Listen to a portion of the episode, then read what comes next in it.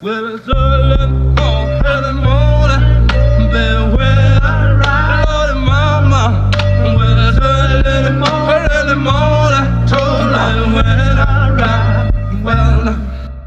Witajcie w kompresorze za mikrofonami Mateusz Kaczmarczyk, I Patryk Wójcik, a my witamy Was w odcinku o numerze 19. 19, czyli przed y, 20. Na 20 pewnie jakiegoś specjala przygotujemy. Ja mam pewien pomysł na specjalny odcinek, ale to y, nie będziemy oczywiście zdradzać y, Wam, jaki to pomysł. Bo to Pogadamy sobie byłoby o tym głupie. po. Tak, dokładnie. Co dzisiaj przygotowałeś do podcastu, Mateuszu? Ja mam starą rzecz, nową rzecz, y, nową rzecz i starą rzecz. Y, czyli z jednej strony mam y, recenzję dokumentu Jak zostać tyranem z Netflixa z tego roku, świeżynka. Film Zagraj to jeszcze raz sam z 1972 roku w głównej roli Woody Allen.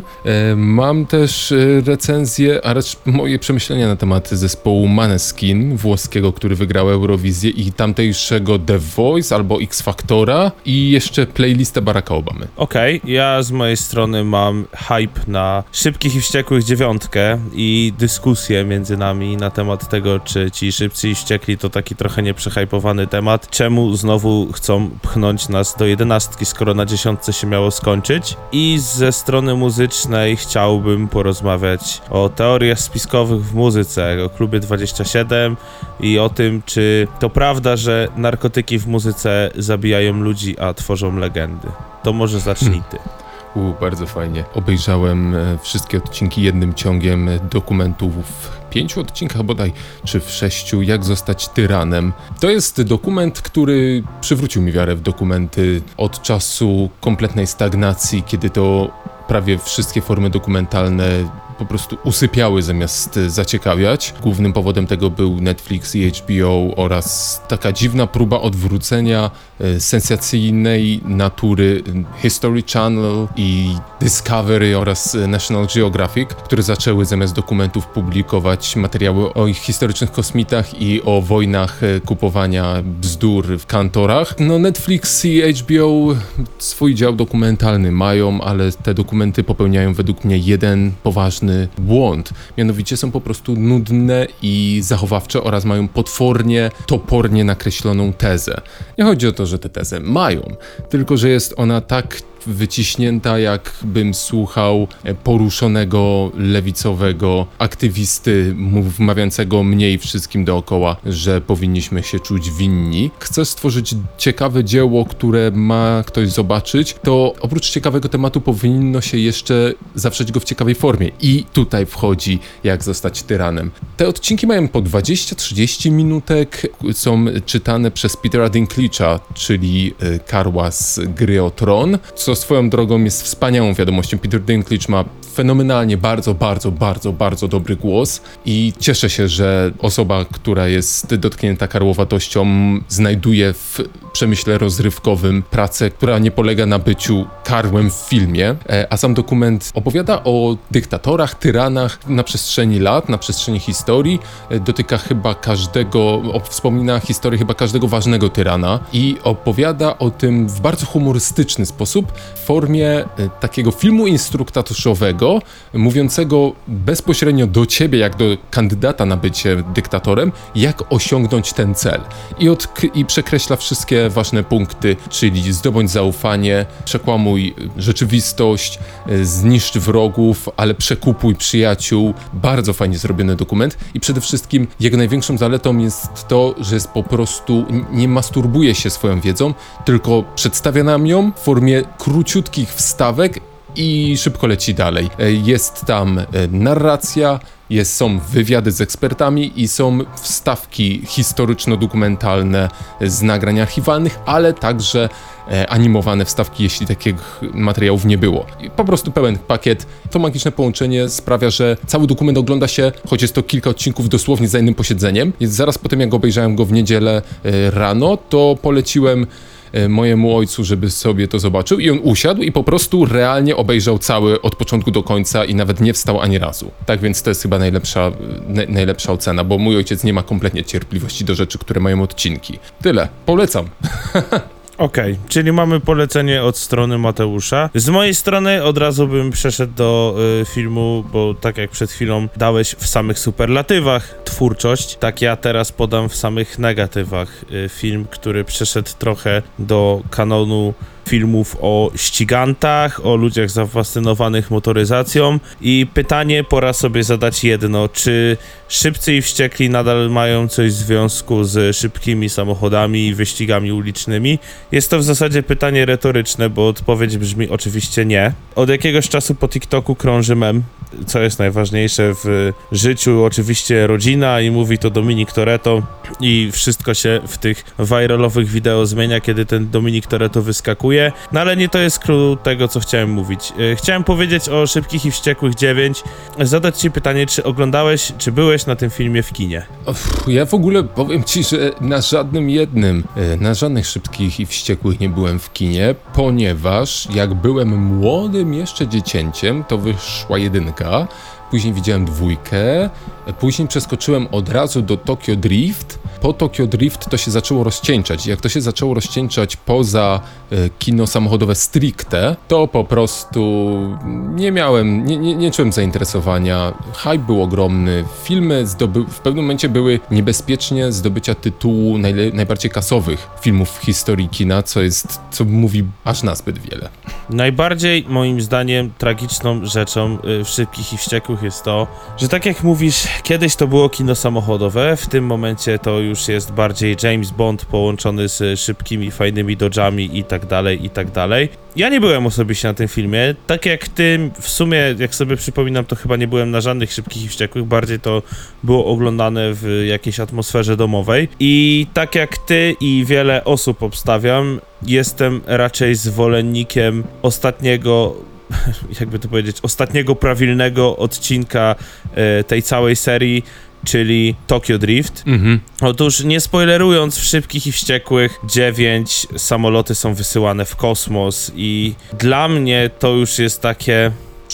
Może szukanie poniekąd treści. Ja pamiętam, jak w Tokyo Drifcie wszystko opierało się tylko na tym, że były wyścigi, że zmieniane biegi były po 11-12 razy, ale to były tylko te sytuacje, które były jakby nierealne, nie? W No tym tak, momencie Szybcy i Wściekli przeszli na wyżyny nierealności, przeskakiwanie z budynku do budynku samochodem i tak dalej.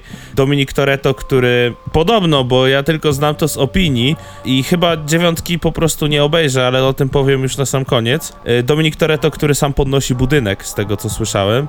Pora zadać sobie pytanie, czy Szybcy i Wściekli nie powinni się skończyć w momencie, kiedy Paul Walker odszedł i czy Szybcy i Wściekli nie powinni y, się skończyć w momencie, kiedy to zaczyna być takim kinem zastępującym tą pustkę po dobrych Jamesach Bondach, bo ja mam Mhm. takie odczucie, tylko że wcale to nie jest dobrym zastępowaniem Jamesa Bonda. I pytanie, czy to naprawdę nie jest już ciągnięta na siłę seria, ze względu na to, że Szybcy i Wściekli dziewiątka miało być przedostatnim y, o, filmem z serii. Okazuje się, podobno, że ma być jeszcze jedenastka, coś czego nienawidzę, jeżeli chodzi o zabiegi filmowe, bo jeżeli coś ma mieć swój koniec w tej serii filmowej, w jakiejś, nie wiem, chociażby trylogii czy coś, no to jeżeli jest trylogia, no to czemu na przykład czasami powstaje czwarty film albo piąty? To jest taki topowy, ty, ty, typowy skok na kasę. Patrz y, Piraci z Karaibów. Dokładnie. Ocena na Filmwebie w sumie mówi sama za siebie. Szybkich i Wściekłych 9. 5 i 6. Także no nie jest to film, który trafi według mnie do jakichś wyszukanych głów filmowych. Nie jest to też film, który jest jakiś strasznie ciekawy. Nie chcę też, żeby z tego wyszedł jakiś hejt, ale akurat w Szybkich i Wściekłych jestem chyba tym typowym oldheadem, który twierdzi, że wolę widzieć jak RX-7 na bodykicie zapieprza bokiem niż jak leci koleś samochodem w kosmos. No bo chyba takie było clue tego filmu. Chyba tak to miało wyglądać. Jakie jest twoje zdanie na temat Po- tych nowych szybkich i wściekłych? Oglądając same trailery i teasery.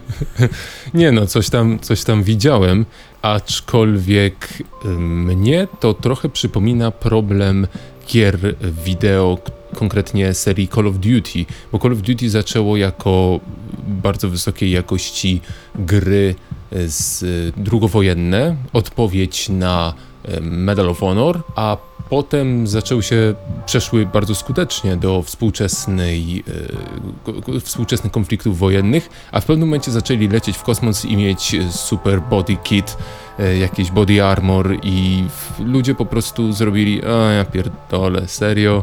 Ale to mnie też zastanawia inna rzecz. Bo z jednej strony y, trailer do bodaj Advanced Warfare Call of Duty był jednym z najgorzej ocenianych trailerów na YouTubie, a gra zarobiła tak jak każde Call of Duty. I tu mam drugi bardzo ciekawy, m, jakaś myśl, m, zastanowienie. Ty nie widziałeś żadnego w kinie, ja nie widziałem żadnego w kinie.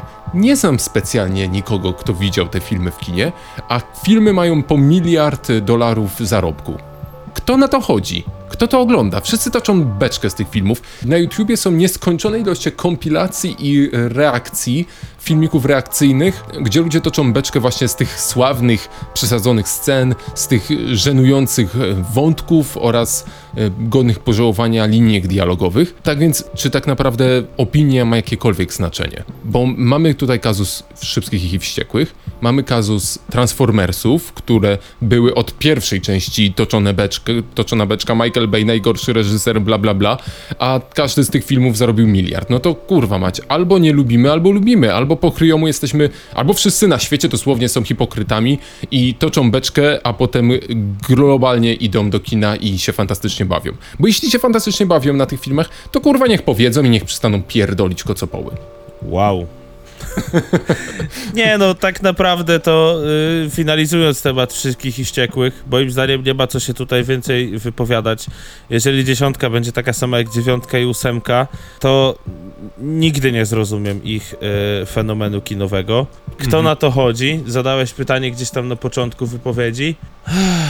Nie wiem, może nastolatkowie, może to jest to gro odbiorców, a wiesz, dużo to też dużo trochę. też, no to, to, to słusznie mówisz i dużo też e, to mówi o rynku medialnym, gdzie media są pisane jednak przez inteligencję światową, polską, no przez inteligentów i to ta inteligencja próbuje na siłę tworzyć gusta, a widać, że młodzież, do których kierowane są e, nie kultura nawet, tylko cały kapitalizm, ubrania, muzyka, filmy, media, e, mają to wszystko w wielkim, jednym wielkim chuju. Zobaczyli trailer i robią o mordo idziemy. Tak więc to też dużo, dużo jest do zastanowienia, czy, a, czy, czy powinniśmy się tak bardzo brandzlować tym, że w mediach coś ma jakąś tam opinię. Czyli dochodzimy do wniosku tego, że opinia w mediach powoli przestaje mieć znaczenie? Chyba tak. No, chyba To tak. trochę przykre.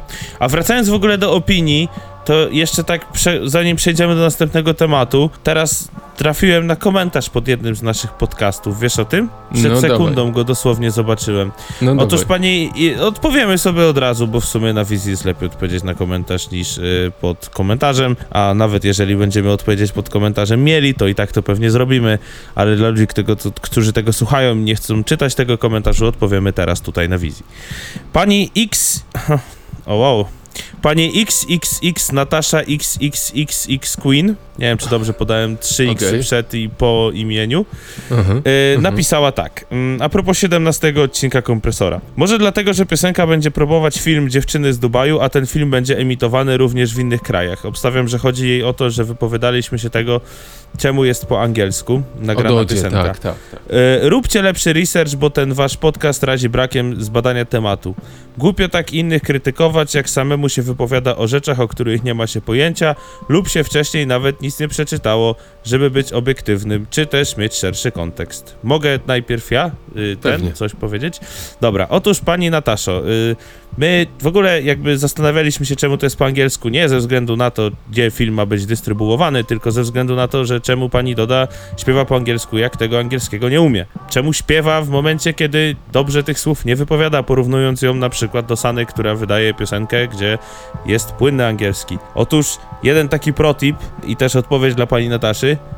Robiąc filmiki na YouTubie, można dawać napisy po angielsku. I to jakby wcale nie przeszkadza jedno z drugim. I wtedy można śpiewać po polsku, jednocześnie nie odkrywać swojego słabego akcentu angielskiego. To tak po pierwsze. A po drugie, my nie staramy się być w naszych podcastach obiektywni, ponieważ jest to podcast publicystyczny, a w publicystyce jest głównie subiektywizm. To z mojej strony. Ja się zastanawiam nad jedną kwestią, bo tutaj jest poruszone to, że e, ten film ma być promowany za granicą i nie wiem, czy to jest mądry, czy głupi ruch. E, Ja tutaj widzę ewidentnie, że dziewczyny chcą, tutaj twórczynie chcą nawiązać do sukcesu 365 dni tego seks filmu, który pojawił się na Netflixie i stał się fenomenem. I z jednej strony Który na papierze, poniekąd jest taką inną wersją 50 twarzy Greya, ale to jakby na No osobny tak, odcinek. tak, tak. Klasyczny seks film oparty na seks książce dla kobiet. Nie ma w tym absolutnie nic złego na papierze. E, niemniej wiem, że sukces tego filmu nie przekłada się na sukces całej branży. Najprawdopodobniej mamy tu do czynienia z tak zwanym one hit wonderem, czyli w muzyce piosenką jednego hitu, który był e, z jakiegoś powodu gdzieś się wstrzelił, w opinię publiczną y, i powstał taki fenomen polskiej kinematografii. Obawiam się, że ten film niestety tego nie powtórzy I nie udźwignie. I nie udźwignie, ale to, że piosenka jest po angielsku, nie wiem czy pomoże, biorąc pod uwagę, że tamten film był w całości po polsku i nikomu to nie przeszkadzało. No właśnie, więc pani Nataszo, przepraszamy, jeżeli uraziliśmy, ale mamy nadzieję, że wytłumaczyliśmy teraz o co chodzi. I jeżeli pani tutaj wspomniała jeszcze o tym, mm, o tej promocji filmu przez piosenkę, no to słabo tej piosence idzie w dwa tygodnie, półtora miliona na dzisiejsze standardy muzyczne YouTube'a polskiego, to jest, To jest raczej przeciętne. a zwłaszcza światowego, bo podobno piosenka miała promować e, film na całym świecie. A no tak, fakt, no to jak na światowy to już w ogóle To jest w ogóle do dupy. raczej przeciętnie. No dobra, no to y, pani Nataszy jeszcze odpiszemy, żeby dostała odpowiedź na piśmie do nas. Bo jesteśmy nas. bardzo, bardzo jesteśmy sumienni w tej kwestii. Tak, tak, a druga sprawa, że jeżeli macie jakieś zastrzeżenia, to komentujcie nasze podcasty, my będziemy na te komentarze odpowiadać i wtedy, oczywiście na Spotify'u nie możecie, możecie tylko na YouTubie komentować, ale jeżeli będziecie komentować, to postaramy się odpowiedzieć, postaramy się do tego jakoś ustosunkować i prawdopodobnie nie znajdziemy drogi porozumienia. Nie no, żartuję, prawdopodobnie gdzieś tam y, zgodzimy się z, lub się mniej zgodzimy. Mam nadzieję, że nigdy nie wyjdzie do tematu, gdzie będziemy musieli prostować cały podcast. Chyba aż takiego jeszcze fakapu nie mieliśmy. Nie, nie sądzę. E, zagraj to jeszcze raz sam. Film z 1972 roku. E, Z, w głównej roli jest tam Woody Allen, zwany również Woody Allenem, czyli największy szatan kinematografii amerykańskiej.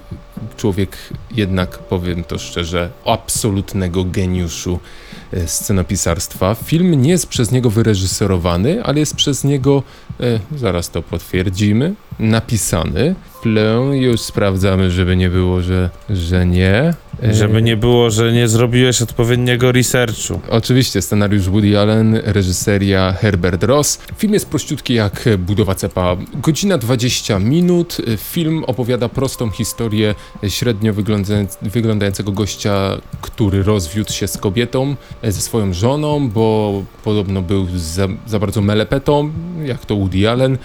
No i cała historia opowiada o tym, że on szuka po prostu swojej drugiej połówki wraz z parą jego najbliższych przyjaciół. No i to są takie bardzo, bardzo proste, bardzo prościutkie perypetie.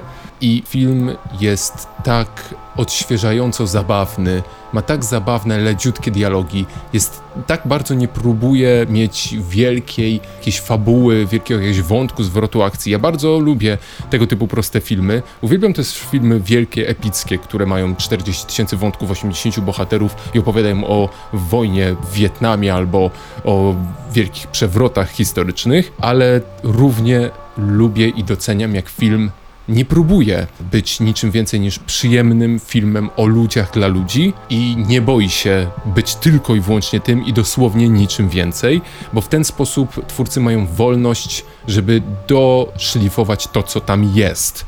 A Woody Allen mm, w swoim stylu takiego nowojorskiego opowiadacza prostych historii mm, sprawdził się, bo on unikatowy miał sposób pisania. Właśnie nie bał się pisać tylko i wyłącznie o tym, co, co, co mu się wydaje ciekawe, a wydawało mu się ciekawe prozaiczne historyjki o niczym. No i dzięki temu produkował rok rocznie praktycznie filmy, jeśli nie przez siebie rejestrowane, to przez siebie pisane. I ja osobiście, pomimo jego wszystkich kontrowersji, wciąż czekam, aż zacznie, aż nakręci kolejny film, bo jemu to po prostu wychodzi i powinien jednak pozostać w, gdzieś tam w społeczności. Patrząc Bronię na- Woody'ego Allena, tak, to prawda. Patrząc na jego filmografię, mogę powiedzieć śmiało, że filmów jest tyle, że jeżeli byście chcieli sprawdzić całą, wszystkie jego filmy przez niego wyreżyserowane, przez, mówię, wiadomo, mowa teraz tutaj o Woody Allenie, no to tak macie dwa tygodnie niewyjęte z życia. Jest ich niesamowicie Dokładnie, dużo. dokładnie. No zresztą ikona, jeżeli chodzi o kinematografię, wydaje mi się. Tutaj nikomu chyba tego nazwiska nie trzeba przypominać, chociaż patrząc na audytorium czasami naszego podcastu, warto takie osoby prezentować ze względu na to, że często mamy młodych odbiorców, którzy mogą już Woody'ego Allena nie znać. Gość ma w końcu 85 lat. Dokładnie. To już dalej idę chyba do mojego tematu. Yy, słyszysz mnie w ogóle? Tak, tak, słyszę, a ty mnie? Tak, również. Yy, muszę sprawdzać, słuchajcie, dzisiaj cały sprzęt, bo moje słuchawki, które zazwyczaj nakładam sobie na uszy do nagrywania, zostały mi, brzydko mówiąc, yy, ukradnięte lub też słowo na Z, ale nie będę go kończył. Yy, I to przez rodzinę. I to przez rodzinę. Zobaczcie, jakie ciężkie czasy. No niestety, pandemiczne, ciężkie czasy. Ludzie nawet słuchawki sobie podkradają z biurka. Chciałbym dzisiaj porozmawiać na temat y, tego, jak to narkotyki mają wpływ na muzykę, szczególnie na tą muzykę lat 70., 80. i 90., ale też na muzykę naszych współczesnych czasów, bo ta refleksja przyszła do mnie jadąc wczoraj samochodem i słuchając w zasadzie jakoś Mhm. przez Spotify randomowo wybieranych kawałków, gdzie mieliśmy y, w rotacji Lil Peepa, miałem The Doorsów, miałem w rotacji nawet Ozzy'ego Osborna, nie wiem o co chodziło, chyba wczoraj Spotify mi chciał powiedzieć, żebym dołączył do klubu 27. Y, Listen Me Now Spotify, Two More Years, Two More Years and then I Can Joy. Hold on. Hold on, hold on, then I can join, really. Ale też trochę o teoriach spiskowych muzycznych. Jak uważasz na temat tego wszystkiego tak po prostu? Czy według ciebie narkotyki w muzyce e, takich tych lat właśnie 70., 80., 90., te mocne, długie, przeciągane gitary The Doorsów, e, te psychodeliczne, Pink Floydowe zagrania, czy to miałoby szansę powstać, gdyby nie narkotyki? Absolutnie nie miałoby szansy powstać, ale czytałem o, o wpływie narkotyków na muzykę przez swego czasu, nawet sporo. I wniosek mój jest taki, i nie jest to do końca mój wniosek, bo jest to wniosek pewnego e, eksperta w tej dziedzinie, że o ile bardzo fajnie i bardzo romantyczną jest myślą to, że, zapobiera, że bierzesz narkotyki, które rozszerzają twoją jaźń i twoją percepcję i dzięki temu sięgasz do granic e, swojego umysłu, do których wcześniej nie miałeś dostępu e, i sięgasz do nut, które wcześniej nie przyszły ci do głowy, o tyle badania wyraźnie pokazują, że wcale nie, po prostu w pod, pod wpływem narkotyków wydaje ci się, że wszystko to, co grasz, brzmi 10 razy lepiej oraz jesteś 10 razy bardziej podekscytowany tym, że to brzmi lepiej, czyli mamy poczwórny zachwyt nad tym, co właśnie napisałeś, ale to też, jeśli ktoś jest pra- naprawdę utalentowanym człowiekiem, to to będzie po prostu dobrze brzmiało.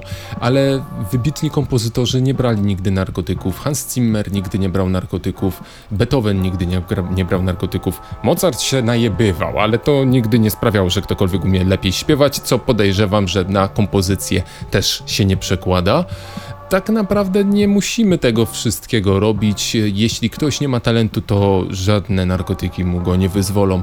A jak ktoś ma talent, to i w nocy o północy na kacu napisze wielkie dzieło, co się bywało i zdarzało. Czy narkotyki z kolei są ciekawym wątkiem w historii muzyki popularnej? Absolutnie tak.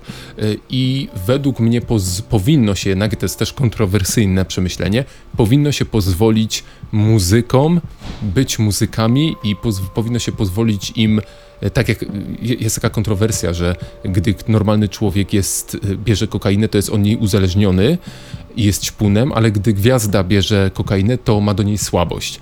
Ja uważam jednak, że powinniśmy pozwolić artystom na więcej niż normalnym ludziom, ponieważ to dzięki ich pracy i poświęceniu e, możemy wrócić do domu i włączyć sobie fantastyczny film i posłuchać fantastycznej muzyki, pracując w pierdolnej bietrze albo w korpo, podliczając e, słupki w Excelu. Bo tylko ćwiartka, miliard procenta ludzi tak naprawdę zasługuje na uwagę całej reszty świata. Bardzo przykre jest to, że niestety można powiedzieć sobie otwarcie, e, tak jak gdzieś tam na początku stwierdziłem, nie wiem nawet kogo to są słowa, że narkotyki e, zabijają ludzi, ale tworzą legendy. Artyści często idą z tym poświęceniem. Narkotyki otwierają świat, do którego zwyczajnie człowiek nie ma dostępu. Wydaje mi się, że gdzieś tam świętej pamięci Kora też fajnie to poruszyła, że dużo kawałków Manamu zostało stworzonych po wypaleniu ogromnej ilości marihuany. Ten świat, który przekazują nam muzyką, to właśnie to jest ten świat, do którego oni weszli, a my nie do końca musimy wchodzić, bo muzyka nam to przekazuje. To jest w pewnym chyba, w pewnej, w pewnym znaczeniu takie poświęcenie ze strony tych artystów i w pewnym znaczeniu takie chyba must have jeżeli chodzi o niektóre branże muzyczne, wydaje mi się, że gdzieś tam to jakoś tak to działa, nie wiem. Nie, nie- wiem do końca jak się na ten temat wypowiedzieć, no bo z jednej strony trzeba, wiadomo, narkotyki nie są dobre, nie? Yy, I to trzeba powiedzieć sobie otwarcie, ale z drugiej strony, no nie mielibyśmy aż tyle takiej, wiesz, twórczości, gdyby nie te narkotyki. To jest ciężkie. No tak, ale też jest ciemna tego strona. Wokali, y, po latach. Y, kojarzysz zespół Creed? Był sobie taki zespół rockowy, nazywał się Creed. Y, on, poszedł, on popadł w niełaskę, bo okazał się być chujowy i sztucznie katolicki, w rok katolicki poszli w pewnym momencie, ale wokalista tego zespołu e, miał słabość do alkoholu i wytwórnia e, wymyśliła, że zrobi z niego kolejną legendę na miarę Kurta Cobaina i otwarcie namawiała go do nadużywania alkoholu, co doprowadziło go przynajmniej raz na skraj śmierci z, przedawku, z powodu przedawkowania właśnie alkoholu. I wytwórnia doskonale to wiedziała i zrobiła to z pełną premedytacją. To, że nikt nie został pociągnięty do odpowiedzialności karnej jest dla mnie po prostu absolutnie, ni- jest dla mnie czymś po prostu okropnym i obleśnym. Ale wiesz, y, a co do teorii spiskowych Klubu 27, y, Paul McCartney y, nie żyje i cała reszta. Wiesz co, ja jestem ogromnym fanem teorii spiskowych, ale... y, Ale fanem takim, który wierzy, czy fanem takim, Nie. który lubi sobie to przeczytać i o ciekawe. Uwielbiam samą narrację e, teoretyków spiskowych, radykalność tej narracji. Ona jest zawsze na pełną kurwę.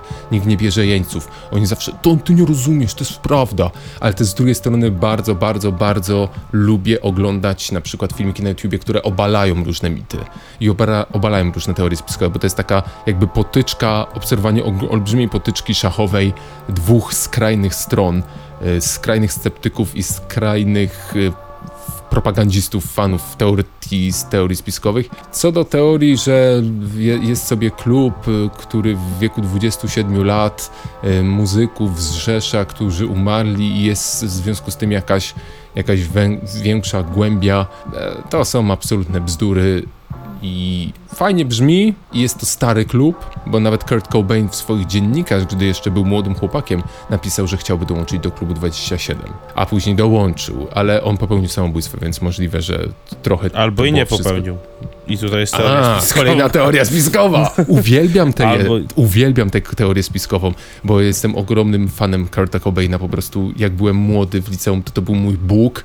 Po prostu byłem jednym z tych gości. E, I oczywiście, że byłem fanem teorii spiskowej w liceum i w gimnazjum bardziej, że Courtney Love zabiła Kurta Cobaina. Niestety w praktyce wniosek jest taki po tych wszystkich latach e, patrzenia na dowody, że Courtney Love była totalnie toksyczną dziwką i, i do dziś jest toksyczną osobą, e, ale nie, nie, nie, nie, nie, zabiła. Może jej zachowanie doprowadziło go do, do samobójstwa, ale niestety dowody przeczą temu wszystkiemu.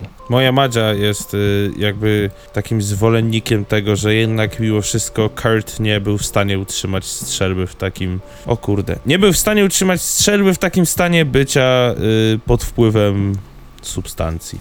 To znaczy, właśnie też czytałem i pamiętam ten dowód, i to był jeden z takich bardziej koronnych dowodów. Niemniej wielokrotnie mm, prawdziwi eksperci od, od substancji psychoaktywnych, koronerzy, którzy pracowali e, ze zwłokami osób, e, które były pod wpływem narkotyków, mówią w wyraźnie, że to jest ten sam kazus, co ze śmiertelną dawką alkoholu. Jak normalny człowiek, który nie pije alkoholu, rzeczywiście po dwóch promilach y, by... y, Tak, nie, Polacy przekraczają. tak, to jest tą sławny mit z Polakami. co roku. E, to też jest takie pierdolenie.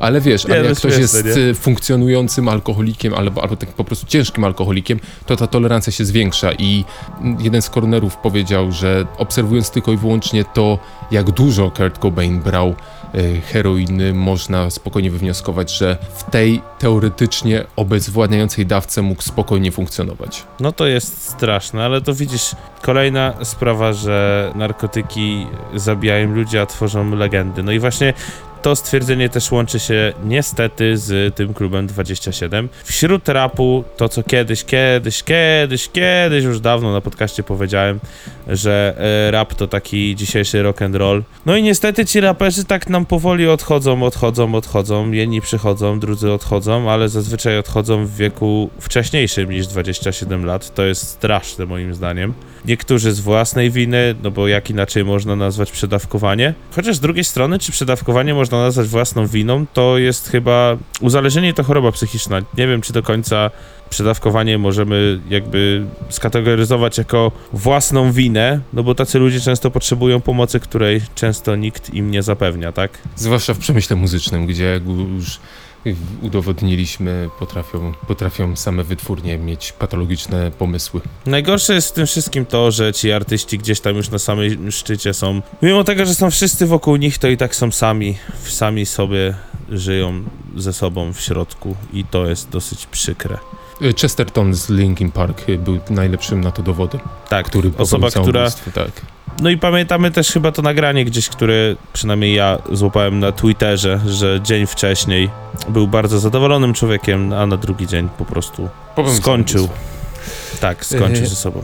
A propos muzyki, kojarzysz oczywiście Maneskin, czyli tę sensację, która wygrała Eurowizję, zespół rockowy, który teraz na TikToku święci triumfy swoim utworem Begin. Baggin. Tak, ale tylko z tego ich kojarzę i nic więcej. Eurowizji nie oglądałem. Eurowizji pamiętasz, że się wypowiadaliśmy Mhm. i to dla mnie festiwal trochę cringe'u, ale kojarzę go, ten zespół właśnie z tego utworu. To powiem tak, kró- ja sobie na krótko y, przesłuchałem w ten weekend y, twórczości tego zespołu i powiem tak, to jest nadzieja. To jest nadzieja dla muzyki rockowej, bo to jest to, o czym przez ten cały czas mówiłem. Musiał, akurat musieliśmy pojechać do Włoch, żeby znaleźć zespół, który po prostu traktuje muzykę gitarową, muzykę rockową jako fantastyczną zabawę. Y, Piszą fenomenalne utwory, które bujają jak skurwysyn, zachęcają do zabawy. I to jest najlepszy dowód na to, że to gatunek, bo wszyscy rockmeni, rockowcy, ludzie z, z gatunku, nawet rozmawiałem ostatnio z młodym chłopakiem, który chce być, wiesz, chce karierę rockową zacząć i za, zaczął pisać takie strasznie gówniane, no sorry, ale gówniane pioseneczki. I on był fanem w ogóle y, oryginalnie muzyki stoner rockowej, no i mi powiedział, że nie, no trzeba, jak chcesz pójść w komercję, to jednak trzeba pisać takie albo takie utwory, a ja się właśnie, ciężko mi było wytłumaczyć mu, że tu nie chodzi o gatunek, tu nie chodzi o, jakiego, o to, jakiego instrumentu użyjesz, czy w jakim rytmie zagrasz. Chodzi o to, żeby ta muzyka po prostu wypływała z serca i dawała, i po prostu jeśli o, ty szczerze chcesz napisać totalnie dojebany utwór, to, to ludzie to, to ludzi to przyciągnie. TikTok, który po prostu rządzi się przeróbkami EDM-owymi i hip-hopowymi fragmentami, e, nagle kurwa jednym z najpopularniejszych utworów jest utwór ewidentnie funkowo-rockowy. I co? I da się No, kurwa. Ale z drugiej strony y, też można jeszcze powiedzieć, szybko wspomnieć o TikToku, który na początku był wyśmiewany, a dzisiaj można śmiało powiedzieć, że jest jednym z najlepiej, najlepszych serwisów social mediowych, który potrafi bardzo, ale to bardzo fajnie algorytmy ułożyć i w zasadzie promuje tak bez wyboru. Po prostu promuje to, co jest najpopularniejsze i tyle. Co tam jeszcze? Ja na temat Maneskina chciałbym się wypowiedzieć e, ze względu na to, że jest to dosyć ciekawe, że Włochy w przeciągu ostatnich dwóch lat były centrum świata. Nie wiem, czy możemy tak powiedzieć, bo tak. Aha. We Włoszech zaczął się koronawirus w Europie. Wygrali Eurowizję i Maneskin robi liczby, a wczoraj wygrali Euro 2020. Włosi, no. e, ale Włosi mają w ogóle coś do siebie. To jest jednak wspaniały kraj. To jest wspaniały naród. Znaczy, to jest to, czego my nigdy nie będziemy mieli. Oni po prostu mają w sobie pewien czar i urogi, charyzmę jako naród. To, to jest trudne do uzyskania. Mieć narodową charyzmę. Fantastyczne kluby piłkarskie, fantastyczna muzyka, fantastyczny nastrój, fantastyczne prostu- miasta. No kurwa jego mać. Stary, mieszkasz w kraju, który jest kształtem buta, więc jakby to już jest charyzmatyczne. No.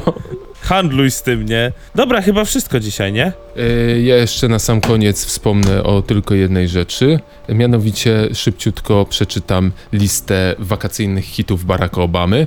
Jest to Jasmine Sullivan Pick Up Your Feelings, Switch It Up, e, Holding Back the Years Simply Red, u, My Sweet Lord George Harrison, y, e, Straightening e, Migos, e, Desperado Riany, Bruno Mars, e, Leave the Door Open, e, Sarah Vaughan Interlude, jest Rolling Stones, ale Tumbling Dice, jest Jay-Z Allure, Mask Wolf, jest Stevie Wonder, jest Miles Davis, jest Bob Marley i The Wallers, ale też Exodus, jest zespół Chicago, jest, jest całkiem, powiem ci szczerze, do posłuchania jest ta playlista. Wygląda na to, że Barack Obama jako prawdziwy true czarnuch wie, co jest grane.